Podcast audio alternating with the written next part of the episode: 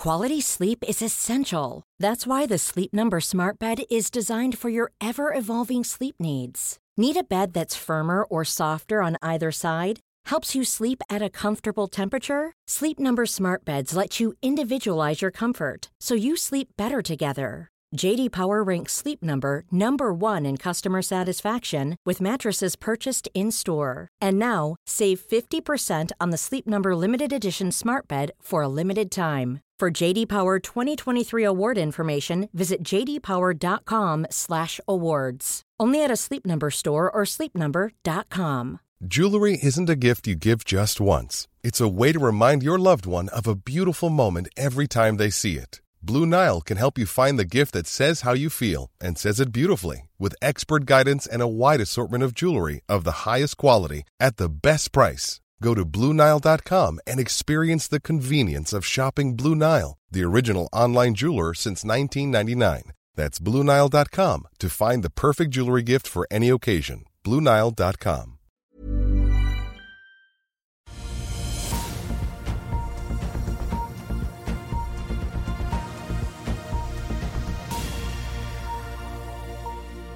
Den amerikanske økonomien har begynt å bremse fra det høye tempoet vi så i fjor, og det har også boligmarkedet. Men arbeidsmarkedet det er fortsatt i ubalanse og altfor stramt. Ja, Det var hovedbudskapet fra USAs sentralbanksjef Jerome Powell, som i går kveld, altså norsk tid, varslet en renteheving på 0,75 prosentpoeng.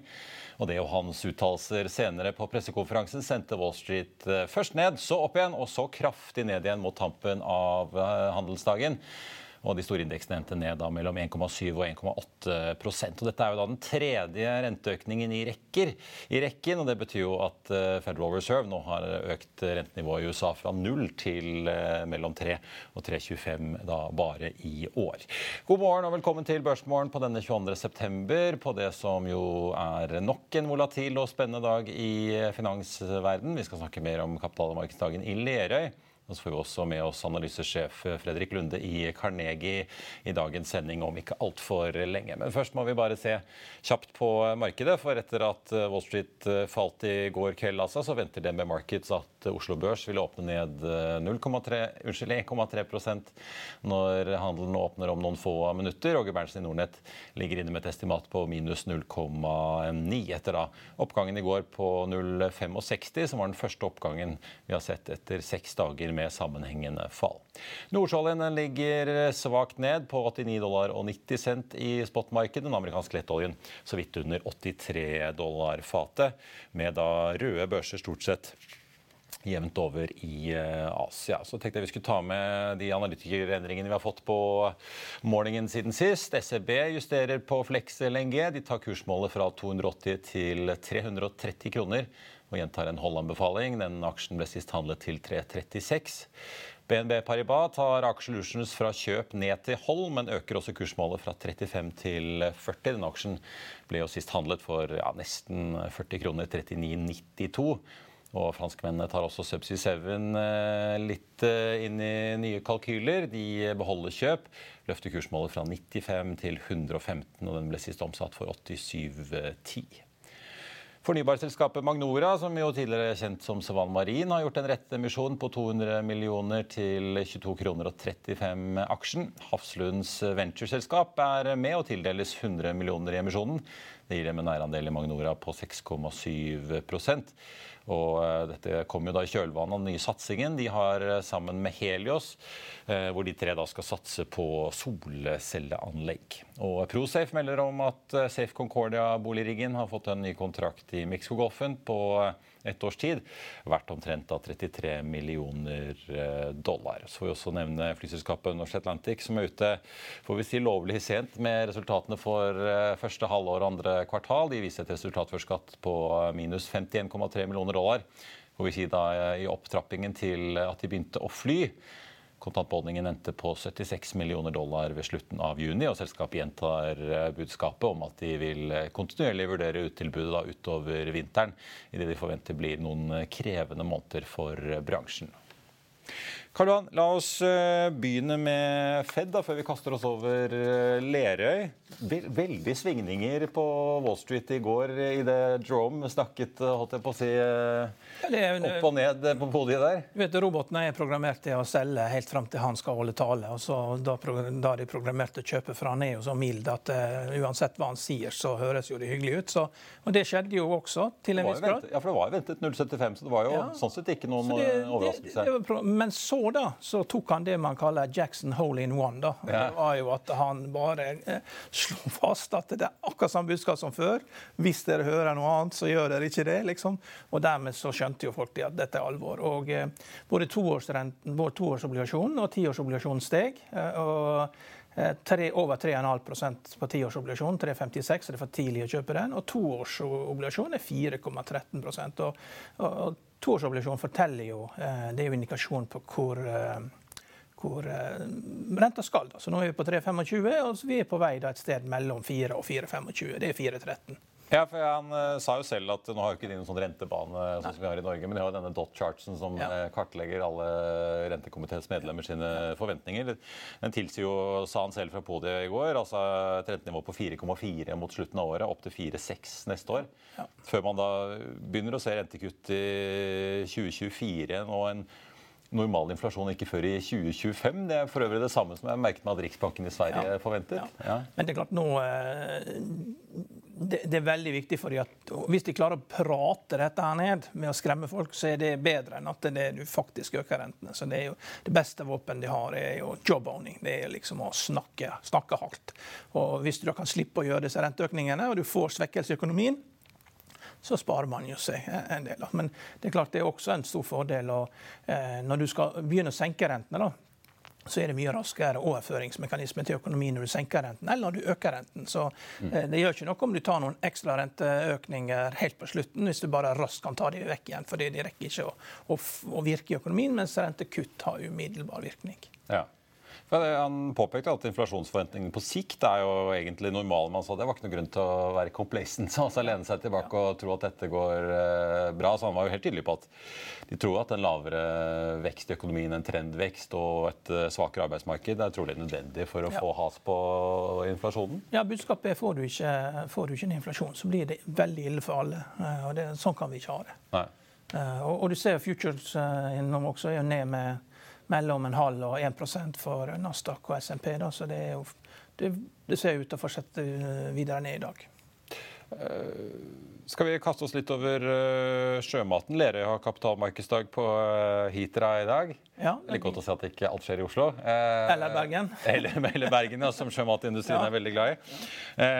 jeg ser de altså sikter seg inn mot et omsetningsmål på 50 milliarder i 2030. De hadde jo 23 i fjor. Det er en dobling i løpet av tiåret. Er ikke ja, det ganske saftig, da? Ja, men de hadde 20 i 2019 og ligger an til å få 27 i 2023. Så de har vel stort sett bare tatt linjalen og dratt. Og fremskrevet oppover. Ja. Så det og så De har også en rekke hårete mål her når de skal liksom være kostnadsledende på, på drift på, på, sjømat. Og da har de regna ut at de må senke Da må de liksom eh, EBIT per kilo må ned med 4,6 kroner per kilo da, eh, i produksjonskostnad. Så eh, Fòrfaktor 1,19. altså Det er en rekke rekke sånne delmål her som de har satt seg sjøl, som det er tydelig at de eh, føler seg komfortable da, med å, å vise omverdenen. Men det er klart Lerøy er jo litt mer komplisert eh, enn de andre selskapene. For de har hvitfisk, du har, ja, det er ikke en ren sånn lakse... du har torsk, du har sei, okay. du har value added processing, du har distribusjon.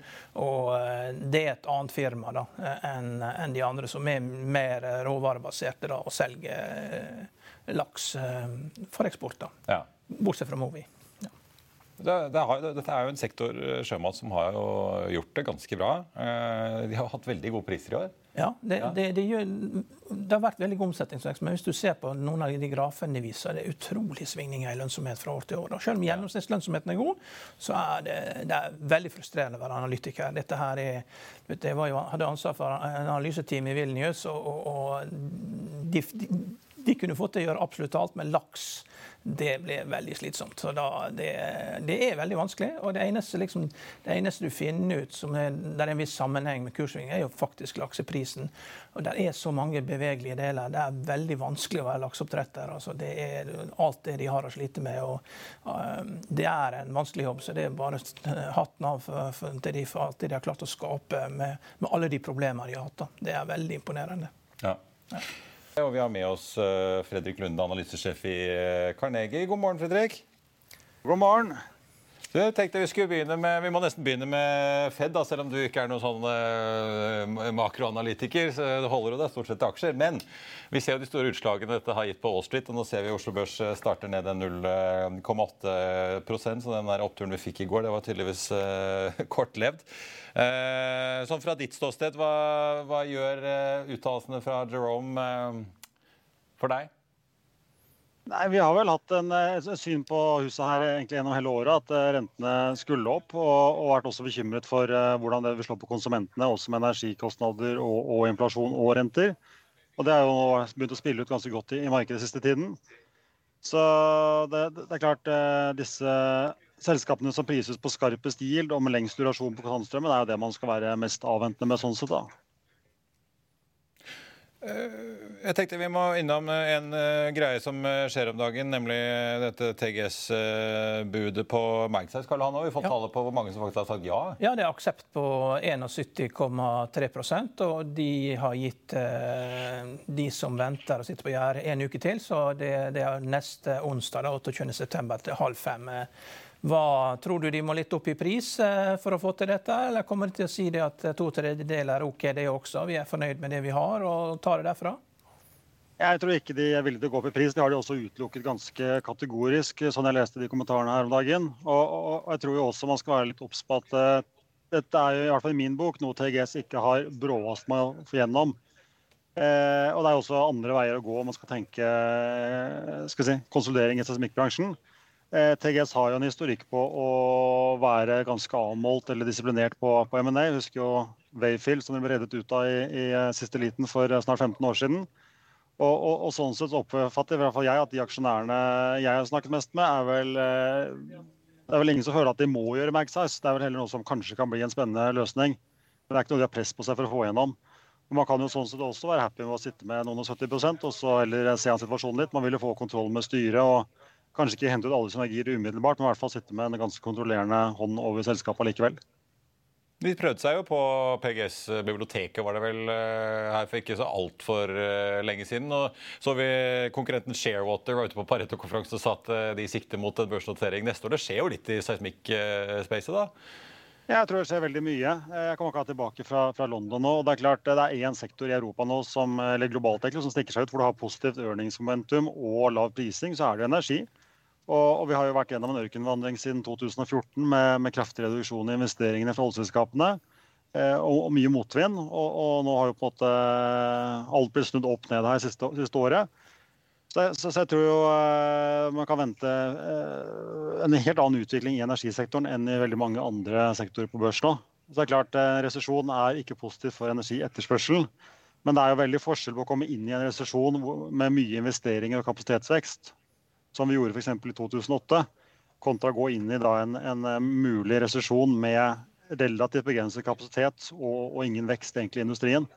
Så, så, sektoren er jo rigget eh, på en helt annen måte enn det har vært eh, de siste ti årene.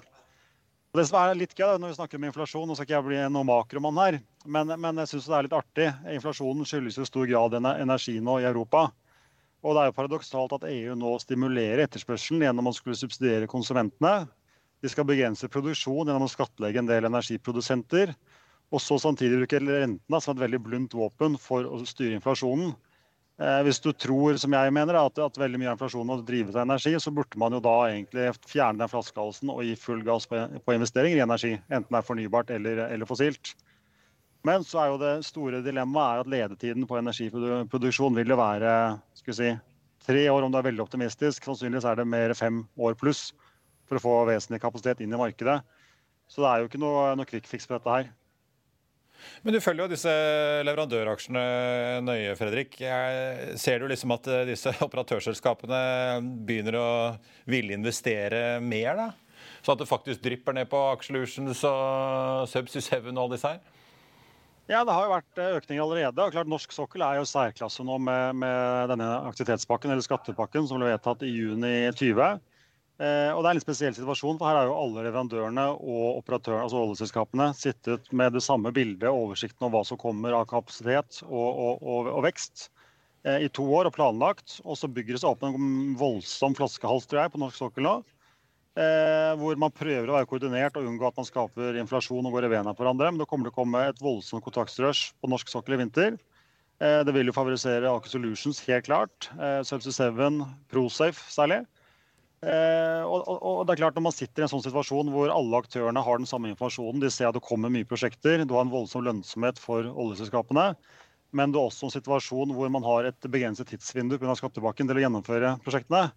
Så jeg tar det for gitt at leverandørene kjenner sin besøkelsestid og, og priser opp dette her, og også er flinke på seleksjon og velger de prosjektene de har lyst på, på riktig risikoprofil. Så jeg tror det er et, et, et kjempevindu nå for, for norske leverandører. Men siden du da nevner Prosafe og Axo og Subsea 7, eh, er det, er det priset inn i det hele tatt da, at de faktisk klarer å jekke opp marginene sine kanskje for første gang på nesten ti år? Ja, altså Axolutions har jo hatt et, et, et kjemperush nå på børs de siste to årene. Bundet vel på knappe fire kroner og gått tigangeren siden det. og Så kan du legge på litt eh, spin-off-aksjer i tillegg. Så det er, vel, det er, den eneste jeg føler har fått, eh, fått, noe betalt for det. Eh, jeg tror likevel, eh, i hvert fall når jeg ser på estimatene, så gir det ganske forsiktige marginforventninger fremover. Gitt at du kan vente en topplinjevekst på en ja, 10-20% tenker jeg året et par år. Du vil få bekreftelse da, gjennom ordrene i år. Og så blir det veldig spennende å se marginene. For dette er en bransje hvor marginer er vanskelig å trekke. Vi har få datapunkter. Eh, men sier, alle disse subjektive kriteriene med eh, begrenset kapasitet, god oversikt, få leverandører, det tilsier at man, tar seg godt betalt. Fredrik, du, du, følger jo Subsea 7. Det er den uh, rene oljeserviceaksjen du følger. og Der har det vært sterk salgsvekst fra 2020 til 2021. Men det er ingen salgsvekst i estimatene de neste, altså 2022 og 2023. Er det lead times som gjør dette? her? Ja, jeg må korrigere deg litt. Jeg er ikke analytiker på aksjen lenger, men eh, jeg var det fra 2006, så det ligger mitt hjerte nære. Så jeg følger godt med. Men. Eh, jeg følger den ikke eh, selv lenger. Men nei, det, det, som skjedde var jo at det var et, det er jo lange ledetider der. Du får gjerne et prosjekt, og så fullføres det kanskje etter tre-fire år på større prosjekter. Og det var jo godt momentum i markedet i 2019 for, for hele sektoren generelt. Og det er det som har drevet, eh, drevet veksten. Og, så, var det jo bråstopp i, eh, i, eh, fra covid. da, altså Andre halvår 20 var jo bråstopp på ordreinntaket. Og så tar det tid å bygge opp igjen momentum. Så det er litt sånn rykk og napp. Og det er klart, Får du stabilitet i markedet over et par år, slik at du både får disse lange kontraktene og et jevnt påfyll av mindre kontrakter, da klarer du å optimalisere utnyttelsen av skipene, du klarer å, å, å sikre prising, og, og, det er da du får liksom ordentlig svung på marginene. Og det har vi jo ikke sett, som, som Marius sa, på, på en eh, åtte-ti år nå. Men, altså, Men da, nå har vi jo sett eh, jeg lurer, altså, jeg lurer på, nå har vi jo sett Vår Energi komme med kostnadsvarsel på Balder. Vi så jo Total og da Noreco implisitt, siden de er partners, slite på, på Tyra-feltet. Nå kommer det jo veldig mange pudder på helt nye felt da, fra Equinor og Aker BP fremover mot uh, jul. men er disse her et litt sånn forvarsel på at eh, her kommer kostnaden til å øke, og derav kanskje også da egentlig omsetningen for disse leverandørene? Vi så jo altså forsinkelsene og overskridelsene på Njord, hva det gjorde for uh, Aker Solutions på Stord uh, bl.a. Og nå har vel Rosenberg masse å gjøre når Balder-prosjektet blir dyrere og forsinket? Ja, de, de, prosjektene du nevner der er jo ganske like. Begge er jo produksjonsenheter fra 90-tallet som taues inn på verft etter å ha ligget i Nordsjøen i 25 år og jobbet uh, døgnet rundt. Og Det er klart, uh, det er jo vanskelig på forhånd å, å, å, definere hvor mye arbeidsomfang det er på sånt prosjekt. Du, det dukker alltid opp noen rustne mutter og slitne kompressorer og ting som skal byttes ut. Og, og det er vanskelig å ta høyde for i kontraktsinngåelsen. Eh, så så lenge leverandørene der har gjort en god jobb på kontraktsmodellen og sikret seg at dette er noe kunden skal betale for, og man ikke tar risiko på den type ting som leverandør, så er jo det utelukkende positivt, mener jeg, for leverandørene. Eh, og så er det som sier generell inflasjon i bransjen også nå. Og, og, det blir kjempespennende å se, for jeg tror jo eh, som jeg sier, Det er en helt unik situasjon hvor du har dette tidsvinduet som begrenser muligheten til å utsette ting. Du er nødt til å gjøre det nå som kunde.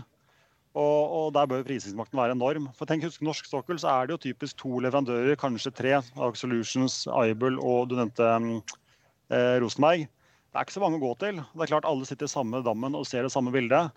Eh, Equinor gikk en del til Asia for en åtte-ti år siden, og, og det endte jo stort sett med knall og fall. Så jeg tror viljen til å heller betale opp for det man oppfatter er høyere kvalitet og lavere risiko på norske leverandører, bør absolutt være til stede. Og Det var også den politiske hensikten bak hele aktivitetspakken at norske leverandører skulle sikres mye arbeid. Dette bør kanskje være nok til å få eh, Able på børs etter hvert. da. Vi får se om Ferd tar liksom det endelige steget. De har jo varslet at det skal komme at det jobbes med. Ja, det bør være et kjempe bakteppe for, for den noteringen nå. Jeg kan ikke se hva, at makro kan bli så veldig mye bedre enn nå. Er, det PGS som er den aksjen som har mest potensial i dette markedet? For de har masse ledig kapasitet, og den er veldig omstridt. Det er stort sprik i anbefalinger mellom kjøp og salg. og Det virker som at aksjen ikke helt klarer å, å, å få tatt av og komme seg, frigjøre seg fra den tidligere emisjonskursen som ble gjort nå i høst.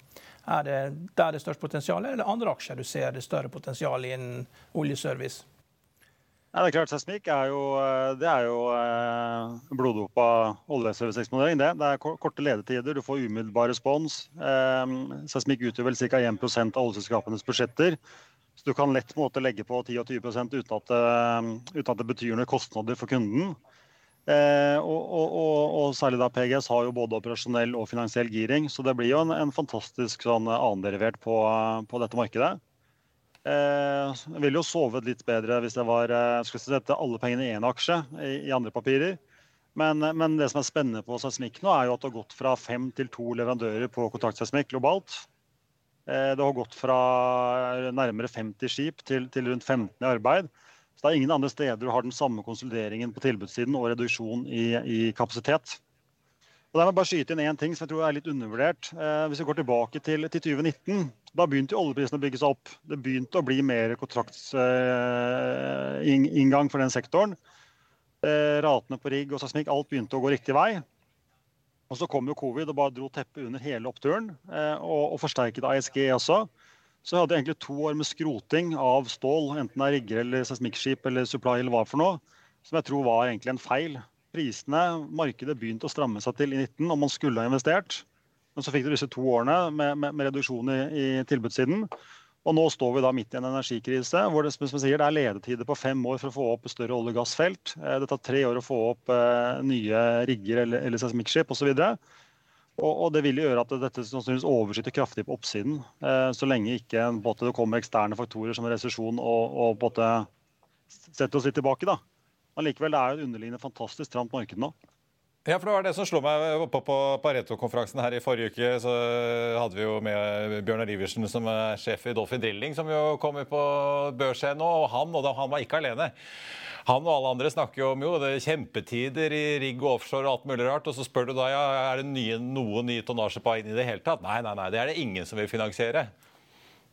Nei, men jeg tror det er mange elementer. ikke sant? Og EU sier jo nå at vi, vi trenger olje og gass. Eh, kanskje frem til 2030. Men etter det skal vi helst ikke ha det. Det er jo vanskelig å forsvare å investere tungt i et gassfelt basert på EU. Levetiden er kanskje 30 år da, på sånn investering, og så sier kundene at vi er der neste fem årene, men deretter får du gå et annet sted. Eh, så Det gjør at avkastningskravet blir høyt. Du må være ganske restriktiv på residualverdier. Eh, banker og, og, og også i og for seg deler av aksjemarkedet har jo ikke vært så veldig interessert i å finansiere den type ting. Så Det tilsier jo mye høyere avkastning på de aktørene som er der, og den kapasiteten som er i markedet. Så det er kjempespennende. Og hadde, skulle hatt ett ønske for høsten, eh, utover å være hos dere, da, så måtte det være å være flue på veggen i et styremøte hos eh, BP eller, eller, Shell. For det er kanskje de oljeselskapene som gikk hardest ut de siste par årene og skulle mer eller mindre legge ned olje- og gassvirksomheten sin og, og bli eh, fornybare. Eh, og de hadde jo veldig politisk press på å gå den veien. Men nå er det politiske presset snudd 180 grader. Og både amerikanerne og EU og britene maser jo nå på at her må vi investere mer, vi må få mer produksjon. Helst ikke fossilt, men allikevel, vi trenger energien deres. Og hvordan den eh, potensielle turnarounden i, strategiplanene skal pakkes inn, det, det skal jeg likt å se. For det er klart, eh, man, man går 180 grader sannsynligvis. Eh, og, det må jo være et ja, en, en, Jeg vet ikke om det er et mareritt eller drøm for kommunikasjonsrådgiverne, men, men det er en helomregning som må sikkert jobbes hardt med å pakke inn. Ja, og Spørsmålet blir vel hvem som skal gjøre det hvis Equinor og Shell og BP ikke gjør det. Så kommer det kanskje inn mellomstore, mindre aktører som gir bånn spiker, for de har litt annen kapitalbase, investorbase i ryggen. Jeg tror nok det at det er ikke noe problem for eh, disse største konsulentfirmaene å ta 180 grader gjennom først å ta 90 grader, og så ta 90 til og ta seg godt betalt for det. Og de vet hvordan de skal legge dette fram på en veldig fin måte. If the price is right, som det heter, ja. og den er alltid riktig. Det, det, det bekymrer meg overhodet ikke. Så de styremøtene de, de, kommer til å gå så smooth som bare det. At det er ingen problem. Fredrik, jeg tenkte jeg, vil runde av med å høre med deg litt, for da snakker vi om alt som kan gå veldig bra. Det virker jo som du er eh, egentlig litt i leiren til Trøy med tanke på den underinvesteringen og den der syklusen du ser eh, foran oss her. Men vi har jo også fått en god del resultatvarsler eh, både her hjemme og ikke minst globalt i det siste fra både Fedex og Ford. og Det lå jo pakket inn i Telenors kapitalmarkedsdag en eh, ordentlig god energiregning som jo tar knekken på den flate EBTA-utviklingen de hadde ventet i år. Eh, venter du flere resultatvarsler? På, fra de norske selskapene, nå, antar jeg da utenom fra olje- og gassektoren, eh, når vi nå får eh, Q3-rapporter, og kanskje også før det? Og eventuelt er det noen spesielle sektorer du følger ekstra med på? Alt, alt konsumrelatert er jo eksponert. Eh, konsumenten har nå i ti år hatt fall, fallende renter, lave energikostnader og, og god sysselsetting jevnt over. Og, og energiregningene har begynt å tikke inn. De vil øke fremover. Rente, rentekostnadene vil øke. Og det er jo diskresjonært konsum som kommer til å bli skadelidende. Den virker jo ganske åpenbar i, i min bok. Eh, og så er det jo særlig disse skal si, eh, consumer durables, altså varige konsumentvarer. Eh, vi har selskap i, som Tule, da, som leverer sykkel, eh, sykkelutstyr. altså til å feste bilen osv. Skibokser og den, den slags. Og det er klart, Man fylte opp eh, garasjen i fjor og forfjor med sykler. Eh, nå er det fullt. og Dette er utstyr som varer i 10-20 år og koster ganske mye. Du kan gjerne låne naboen. Og, og, og, Det blir jo spennende å se hvor langt ned man skal inn for å komme seg tilbake på en, en vekstkurve igjen. For det ble fylt opp, og man la seg langt frempå de siste to årene. Eh, og det er jo, som jeg sier, er, Hele den sjangeren er jo jevnt over eh, eksponert. Eh, men så har du også selskaper som er interessant å se på, som eh, Electrolux kom med en profit warning her om dagen. Eh, aksjen reagerte opp halvannen prosent. Men det er et stort selskap med lang historikk og, og ikke hatt den kraftige boosten. De har hatt en liten, kanskje lite løft, men ikke en, ikke en skikkelig boost da, gjennom covid. Og da har jo markedet vært mer villig til å være tilgivende overfor det enn disse mest eksponerte som har virkelig hatt en, et kjempeløft. Og så blir det veldig vanskelig å, å gjette hvor dypt man skal ned da, for å hente seg inn igjen blir noen tusenlapper ekstra som går ut av kontoen til uh, både Nordea og DNB og hvem enn man måtte ha boliglån hos. Ja. Ja. Hvor nært følger du Adevinta? Eh, fordi vi ser jo det at Zalando har jo gått ned med 70 Det er jo internetthandel. Det virker som at de det første da er jo konsumenten veldig negativ. og Zalando skriver jo i sin eh, kvartalsrapport at konsumenten er i dårligere stemning nå enn på bunnen av pandemien. Men det har jo også sammenheng med konkurranse da fra Kina. Adevinta jo, lever jo av online-annonser på motor og eiendom i fem store land i Europa. Hvor nært er dere på det? Følger dere nært med på det? Det gjør vi, og, og, vi er jo grunnleggende veldig positive nå. Dels skyldes det at prisene har kommet kraftig ned på, på, aksjene. og Markedet ligger jo ofte noen måneder foran makro, da, tross alt. Eh, men, men, men, kanskje viktigst er jo at vi ser at eh, lengre liggetid på annonser ofte fører til økt vilje til å betale premiumprising.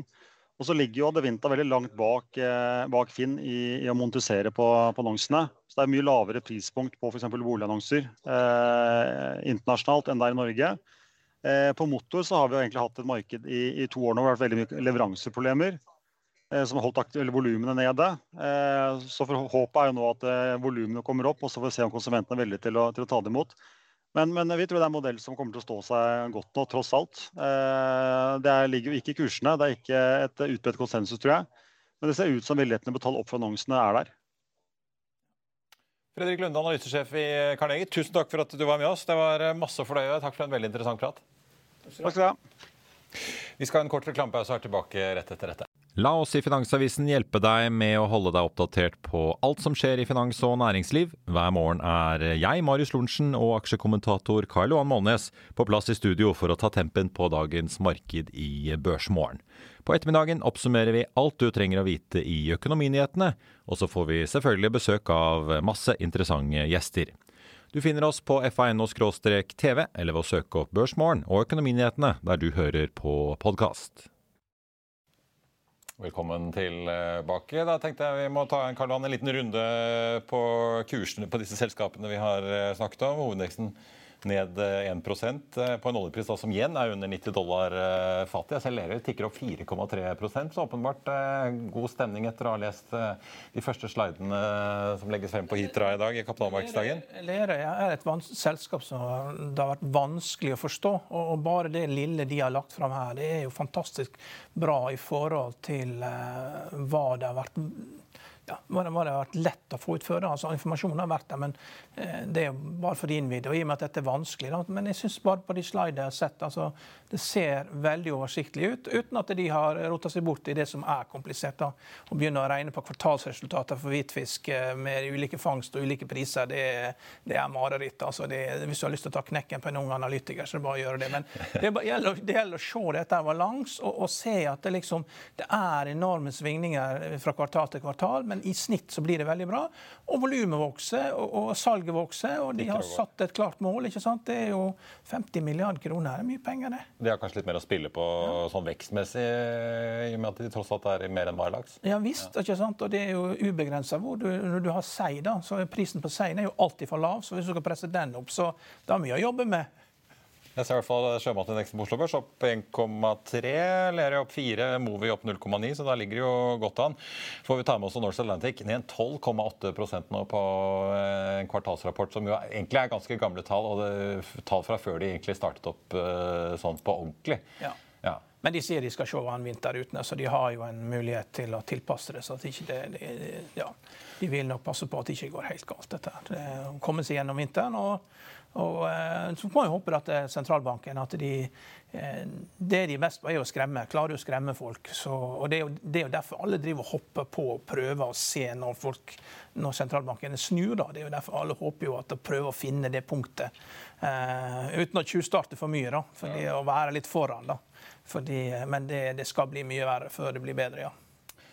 Adevinta, som du spurte Fredrik om, ned 1,7 i dag. Magnora, som også har gjennomført en emisjon, ned 0,9 Prosef med ny kontrakt i Mexico-golfen ned opp 1,4 Ellers på listen over de mest uh, omsatte så ligger Equinor ned 1 og Aker BP ned 3 og Yara da ned 0,4 Det Magnora har sammen med, er jo interessant. fordi ja. Eh, fordi at det Når man begynner å tenke litt storskala ikke sant? Og det, Hvis du ser på de størrelsen på de solanleggene som Skatek bygger eh, nede i Egypt, så er jo det liksom det er jo 20% større enn Tromøya og 20% mindre enn eh, Nøtterøy. Det er liksom 36 kvadratkilometer. Og det, når du har mange nordmenn som reiser ned dit, og du ser på alle de andre solanleggene som bygges, så ser man må jo ha størrelse på dette. her. Mm. Og Ideelt sett gjerne litt ørkenlandskap under. Jeg vet ikke hvor lett det er å finne det i Norge. Men spørsmålet liksom, det må jo sjekke opp eh, med våre analytikere. Liksom, hvor stort er det de har tenkt å gjøre dette her? Er det, og det andre trenden som vokser, er jo det som er i Minnesota, i Minneapolis-området, hvor at du har community eh, community-solparker, som er liksom på størrelse sånn én til fire fotballbaner langs eh, For nabolag, liksom. for nabolag i nærheten av veier, sånn døde ja. områder. At du utnytter døde områder som ellers ikke blir brukt til noe. Da. Det er ikke noe kamp om arealet. Og, men klart, det er jo litt mer plass, eh, litt mer flatt terreng i USA. Litt mer plass. Det er litt mer å jobbe med. Det er ikke, litt, så, det er ikke ja. så, strengt på hvor man kan bygge. opp. Nei, er, alt alternativ kost er jo å bygge en hytte der. vet du. Det er verdt enn å legge et solanlegg der. Selv så jeg legger merke til, altså, Emisjonskursen var 22,35. Nå ligger den på en krone over, faktisk. Selv om den er litt ned, så ser det jo ikke ut som markedet lar seg skremme. men Magnora var jo med på denne Scotwind havvindauksjonen, så det var egentlig havvind de har vært sånn mest kjent for i samarbeid med, altså, med, med Teknip, og nå er de inne i sol. Alle hyttefelt må få sitt eget solanlegg. Ja, vi... det, må være en del av, det må være en del av hyttefeltet. Ikke for strømsette, hva skal ja, vi gjøre? Ja, det er egen, eget, eh, egen solcellepark. Varmekablene må på. Ja, og jacuzzi. Ja, det har ikke jeg. Jeg vet ikke om du har det på hytta.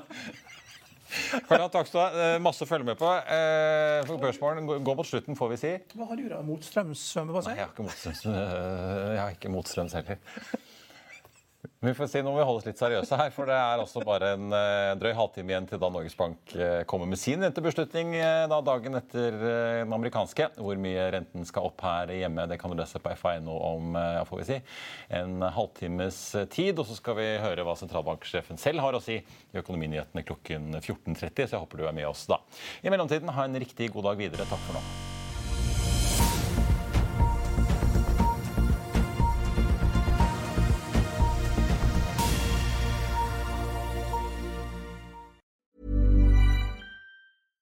Small details are big surfaces Tight corners or odd shapes? Flat, rounded, textured, or tall? Whatever your next project, there's a spray paint pattern that's just right. Because Rust new Custom Spray 5 in 1 gives you control with five different spray patterns. So you can tackle nooks, crannies, edges, and curves without worrying about drips, runs, uneven coverage, or anything else. Custom Spray 5 in 1. Only from Rust Økonominyhetene er en podkast fra Finansavisen. Programledere er Marius Lorentzen, Stein Ove Haugen og Benedikte Storm Bamvik. Produsenter er Lars Brenden Skram og Bashar Johar. Og ansvarlig redaktør er Trygve Hegnar.